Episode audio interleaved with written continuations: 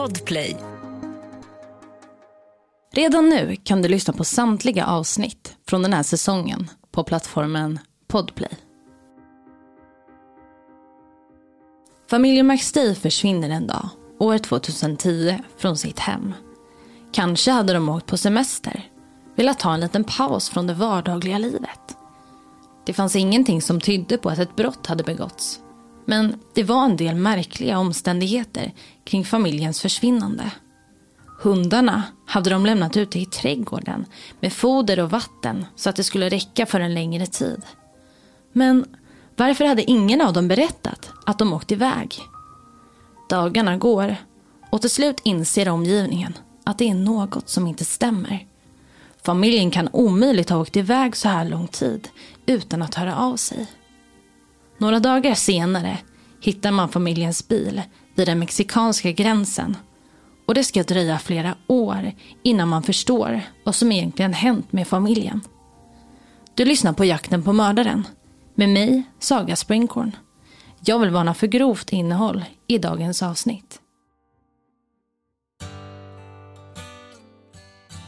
Familjen McStay bestod av 40-åringen Josef, 43-åringen Summer och deras två barn, Gianna 4 och Joseph Jr 3 och deras två hundar. År 2010 flyttar de till Kalifornien. De är en till synes helt normal familj. Summer ändrar sitt namn till och från. Hon använder sig av flera olika italienska namn och verkade ha en fascination för just Italien. Man vet egentligen inte helt och hållet varför hon så ofta bytte sitt namn. Men spekulationerna har varit många.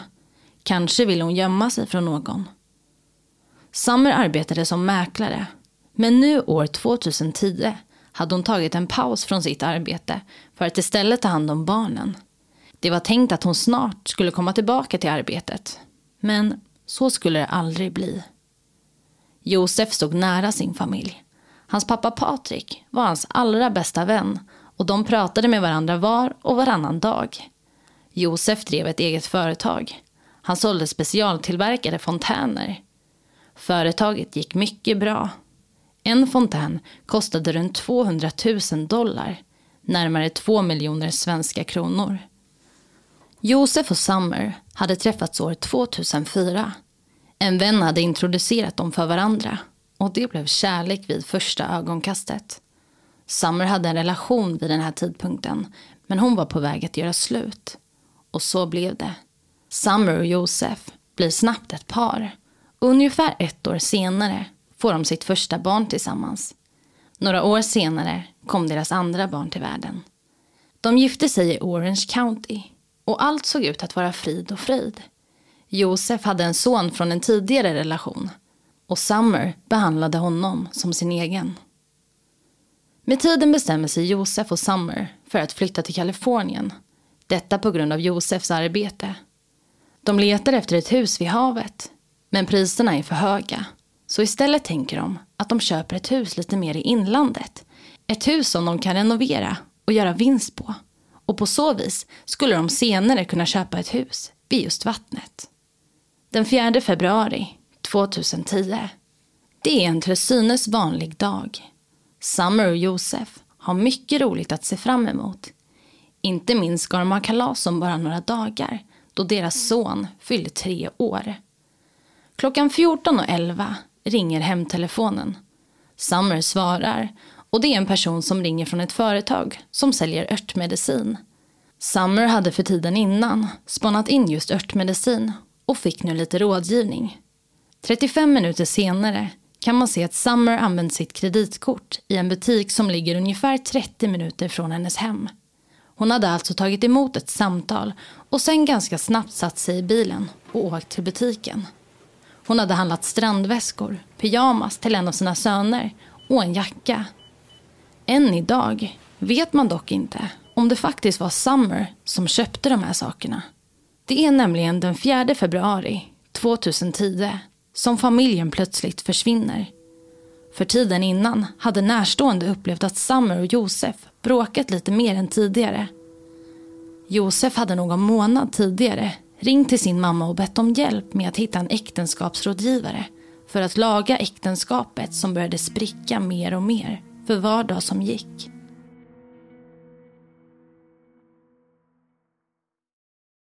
Med tiden börjar polisen utreda familjens försvinnande.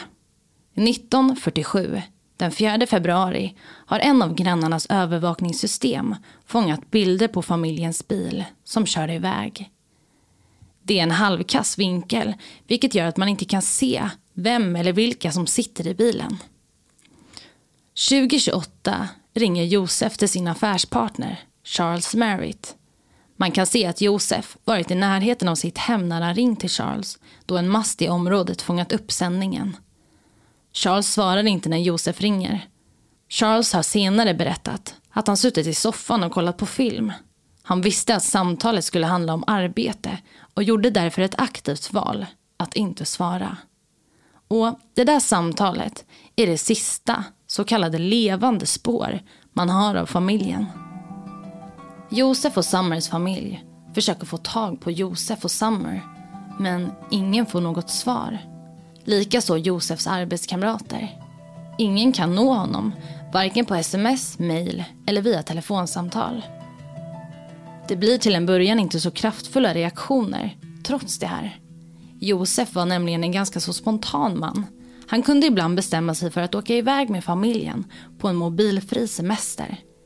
Han switchade livsstil för några dagar och lämnade mobilen hemma. Men nu hade familjen varit borta i hela fem dagar och ingen hade hört något. Patrik, Josefs pappa, får ett mejl från en av Josefs affärspartners.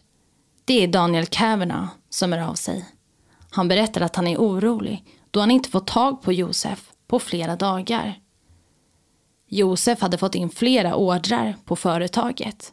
Men han hade inte svarat. Det var olikt honom att inte höra av sig på så många dagar. Josef var ju trots allt den som var ansvarig för hela företaget. Han höll i nästan samtliga trådar. Han skötte försäljning, kundtjänst, prissättning och så vidare. Josef anställde oberoende entreprenörer som skötte andra delar av företaget. En av dem var Daniel, han som kontaktat Patrik då han inte hört något från Josef. Daniel var ansvarig för det digitala, såsom exempelvis företagets webbsidor. Charles Merritt var en annan entreprenör som var anställd på Josefs företag. Samma person som Josef försökt nå samma kväll som han senare försvann. Charles var den som byggde de specialbeställda fontänerna. Det går hela tio dagar innan polisen får information om att familjen eventuellt försvunnit. Några poliser åker till familjens hus och tittar in genom fönstret. Man ser inget som sticker ut. Det finns inget som tyder på brott och därför avvaktar man ett tag. Josefs bror Mikael bestämmer sig för att åka till huset. Han tittar också in och allt ser fint ut och han misstänker inte heller att något har hänt. Men när han senare går runt huset och ser familjens trädgård på baksidan är det något som han reagerar på. Hundarna är ute i trädgården. Skjulet i trädgården är öppet så att hundarna kan gå in och ut som de vill. Vid sidan av skjulet har någon skurit upp en stor påse med hundmat så att hundarna får fri tillgång till föda. Vattenskålen har placerats under en vattenkran. Vattnet droppar försiktigt ner i skålen så att vattnet inte ska ta slut. Någon hade således inte dragit åt kranen ordentligt. Mikael tänker att familjen måste ha åkt på semester.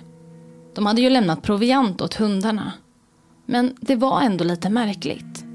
Han hade aldrig sett att familjen gjort så här förut. De två hundarna, chefen Bear och hundvalpen Digger, var en stor del av familjen. Summer älskade dem som om det vore hennes egna barn. Ytterligare fem dagar passerar. Det är nu den 15 februari och Mikael bestämmer sig för att återigen åka till huset. Han ser då att familjen inte kommer tillbaka. Nu hade det faktiskt gått väldigt lång tid och han bestämmer sig för att kontakta polisen och anmäla familjen som försvunnen.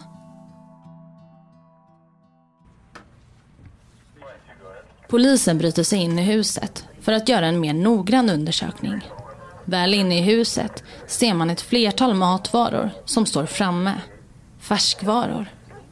Hundarna är fortfarande fria i trädgården. Huset är ganska rörigt. Men å andra sidan var Josef och Summer också mitt i ett renoveringsarbete. I soffan står två popcornskålar. Det ser ut som att någon precis skulle sätta sig ner för att hugga in. Det var märkligt att allt stod framme sådär. Det var ju lite avvikande med tanke på att färskvaror givetvis inte skulle klara sig om de stått framme under flera dagars semester. Det fanns dock inga tecken på att någon brutit sig in i hemmet. Inte heller tecken på att det varit bråk i huset. Men det var ändå märkligt att familjen som åkte iväg inte städat i ordning lite innan. Man skickade ut information om den saknade familjen till poliser i närområdet. Informationen sprider sig och ganska snart visar det sig att familjens bil står parkerad vid den mexikanska gränsen.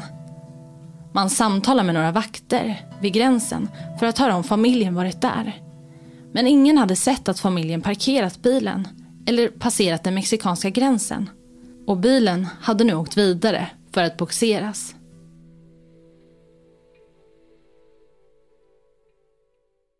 Ja, dagen därpå så säkrar man huset.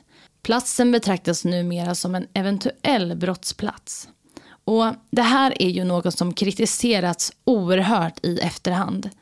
Under flera dagars tid hade polis, familj och vänner till familjen McStay rört sig fritt i huset. Och varför är det här ett problem?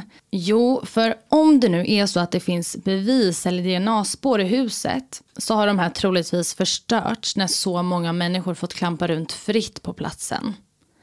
Till exempel så städade Josefs mamma köket. Det hade ju såklart luktat och flera färskvaror stått framme under flera dagars tid. Så massor av de här varorna slängs och plockas undan. Så om det då funnits bevisspår på de här varorna så var ju de med säkerhet borta nu.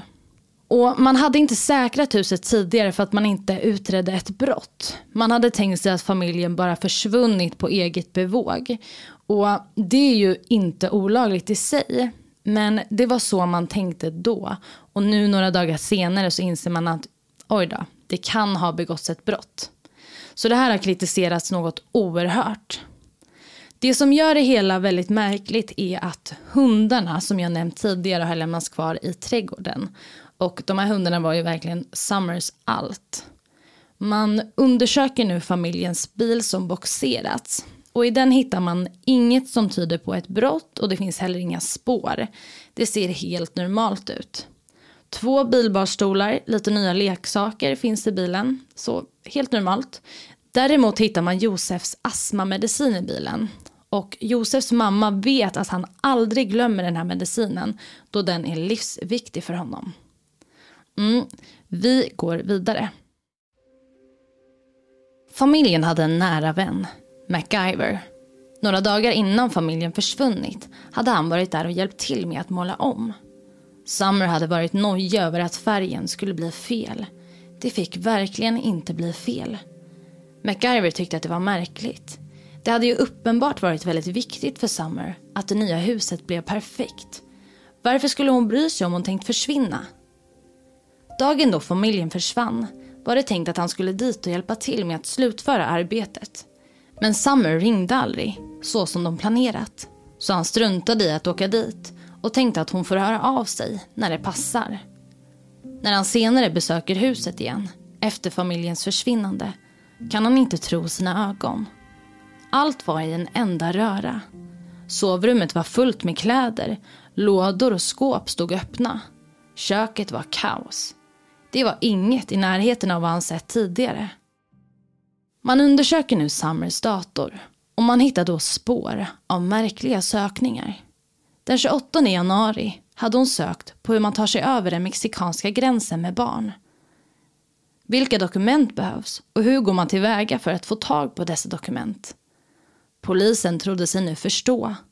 Kanske hade Summer flytt med sina barn. Bilen hade ju trots allt hittats vid just den mexikanska gränsen. När man undersöker videoupptagningar från människor som passerat gränsen tycker man sig känna igen något. Klockan 19.00 den 8 februari så ser man en man och en kvinna med två barn. Upplösningen är dålig och det är svårt att få en tydlig bild över vilka de är. Men det verkar stämma. Det ser ut som att det är familjen McStay. När familjemedlemmar senare får analysera filmen är det delade meningar.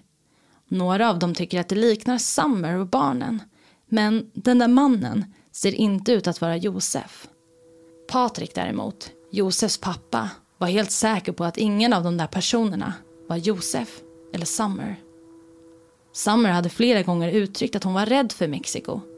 Det var inte rimligt att tro att hon hade tagit med sig barnen dit. Dessutom hade inte barnen några pass och alla pengar på Josefs konto var helt orörda. Utredarna kommer ingen vart och i april år 2013 har den lokala polisen lämnat över fallet till FBI. Josefs arbetskamrat Charles sörjer familjens försvinnande. Han säger att Josef varit hans bästa vän. Det var också han som sist sett familjen vid liv. De hade inte bara varit nära arbetskamrater, han och Josef. De var nästan som bröder, menade Charles. Under den här eftermiddagen, då familjen försvann, hade Charles och Josef pratat i telefon flera gånger. Josef hade mått ganska dåligt tiden innan han försvann. Han hade känt sig snurrig och klagat på den enorma huvudvärken. Han fruktade för att han fått en hjärntumör. Under flera tillfällen hade han fått åka in akut för att få hjälp med sina problem. Vi stannar upp där. Det har alltså gått ungefär tre år och det är många som har teorier om hur familjen försvunnit. Och en av de teorierna handlar om Summers ex, Vic. Han var en marinsoldat och hade en historia av våldsamt beteende med sig i bagaget. Patrik, Josefs pappa, hade upplevt att Vic varit besatt av Summer. När Summer och Josef träffades så var Summer på väg att göra slut med Vic. Och när Josef och Summer bodde ihop så mejlade Vic flera gånger. Han skrev att han skulle ta tillbaka Summer för de var som gjorda för varann. Men än så länge fanns det inget som gjorde att han var misstänkt. Vi går vidare. Familjen är borta sedan en lång tid tillbaka. Och man kan se att arbetskollegorna Daniel och Charles fortsätter att använda Josefs företagskort. Fast att han är borta. Kanske var det så att de tänkte att han snart skulle komma tillbaka. Och då var det smart att fortsätta arbetet. De tar emot ordrar och betalar ut pengar till sig själva. Men snart fryser banken Josefs företagskonto. Daniel menar att han och Josef alltid delat på allt som firman dragit in. 50 procent var. Det var ett muntligt avtal som de hade, menade Daniel. Men inget av det här fanns nedskrivet. Daniel var intressant för utredningen. Men han hade ett gediget alibi för tiden då familjen försvunnit. Han hade nämligen varit på Hawaii. Utredningen sätts på paus. Man tänker sig att familjen nog har korsat gränsen. Det fanns ju inget som tydde på något annat, menar utredarna. Men den 11 november 2013 hittas mänskliga kvarlevor i ett litet ökenområde. Det är en förbipasserande motorcyklist som ser något skumt. Något som ser ut att vara en gömd grav. Graven ligger ungefär 50 meter från vägen och polisen tillkallas. Motorcyklisten hade haft rätt. Det rör sig om två grunda gravar i ökenjord. I gravarna ligger mycket riktigt mänskliga kvarlevor. Skeletten är intakta, vilket gör det lätt för polisen att konstatera att det rör sig om just mänskliga kvarlevor. Det är fyra skelett som hittas. Dessa kvarlevor undersöks senare av en rättsantropolog för att fastställa dödsorsak, ålder och kön. Två dagar senare identifieras kvarlevorna som Josef och Summer plus deras två barn. Och man bedömer att det rör sig om ett mord. Intill kropparna hittades en slägghammare, troligtvis mordvapnet. Josefs skalle var krossad och Summer hade fått en kraftig smäll mot käken. Det fanns också information som tydde på att hon blivit sexuellt utnyttjad. Pojkarna hade skallfrakturer men det fanns inte tillräckligt kvar av deras kroppar för att kunna fastställa hur de dött. Familjerna är såklart förkrossade. Polisutredningen hade brustit från start. Patrik var snabb med att lämna in ett formellt klagomål mot San Diegos Sheriff Department. Utredningen hade varit så katastrofalt usel, enligt honom.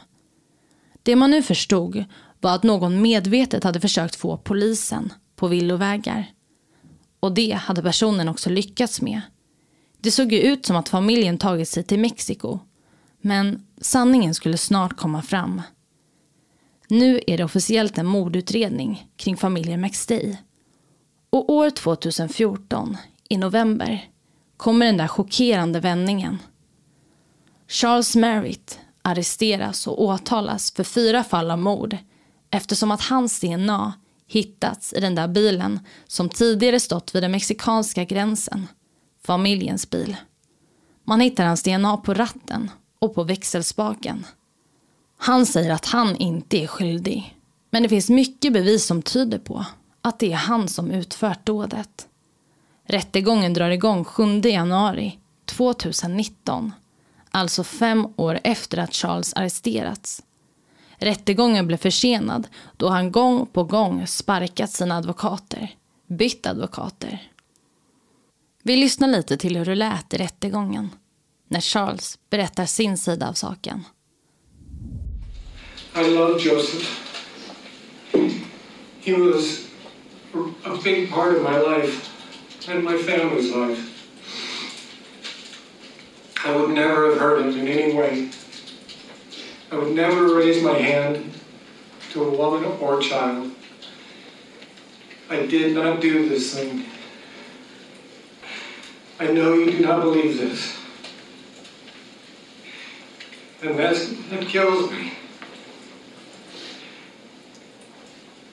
But I believe that if you were to look deep into what has happened here, in this courtroom, and over the last five years, you'd have to recognize that something, something is, something's amiss, something. Ja, Charles säger att han inte är skyldig. Han säger att han älskade Josef och hela familjen. Och han menar att det är någonting som har gått fel under utredningens gång. Han är inte skyldig.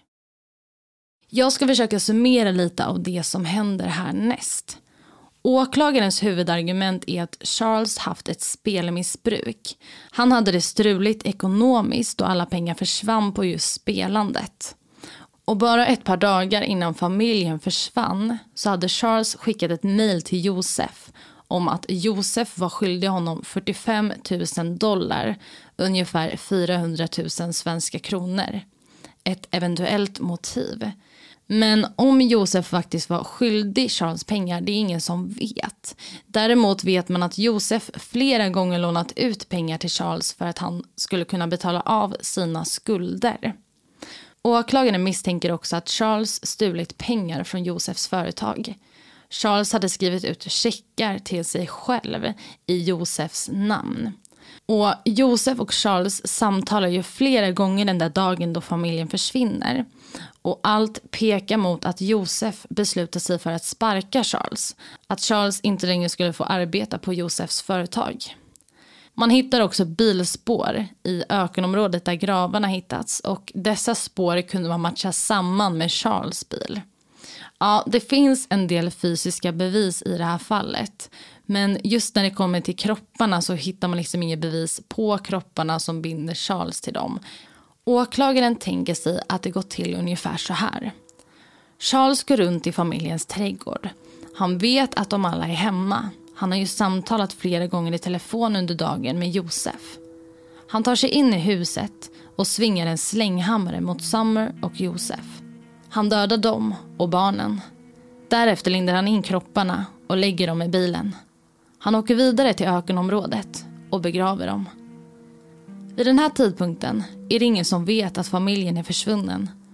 Charles har således huset för sig själv och har lång tid på sig att städa. Han avvaktar med att köra familjens bil till den mexikanska gränsen. Men några dagar senare, när han lämnat bilen, så är arbetet slutfört. Charles hade varit en person av intresse tidigt under utredningens gång. Han hade engagerat sig väldigt mycket i att hitta familjen. Något som hade varit lite suspekt enligt utredarna. Men där och då fanns det ju inga bevis mot honom. Men nu har man hittat DNA i familjens bil och en drös med andra indicier som gör att man slutligen kan åtala Charles.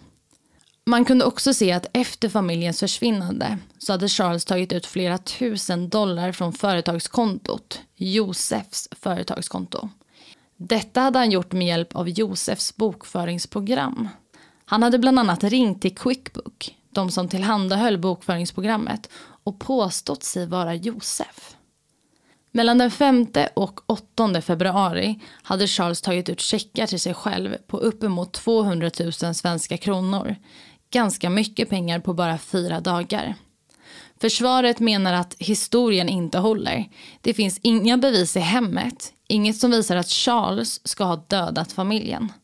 Försvaret menar att det är arbetskollegan Daniel som ligger bakom mordet. Man menar att utredarna faktiskt inte tittat ordentligt på Daniel och vad han kan ha haft för sig.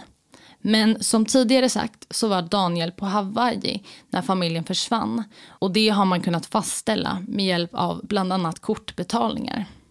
Sen är det faktiskt så att Daniel gör ganska mycket märkliga saker efter att familjen försvunnit. Han hade fört över nästan 13 000 dollar från Josefs konto till sitt egna. Sen är det så att Daniel börjar bråka med en person som han gör affärer med. Och den här personen vittnar om att Daniel under ett bråk ska ha sagt att jag vet hur man får folk att försvinna och om det någonsin blir tjafs mellan oss två igen så kanske man kan hitta dina ben i öknen. Mm, det är ju lite skumt, men den 19 juni 2009 fann man Charles skyldig till fyra fall av mord. Han döms till livstidsfängelse utan möjlighet till villkorlig frigivning för att ha mördat Josef och han får dödsdom för mordet på Summer och barnen.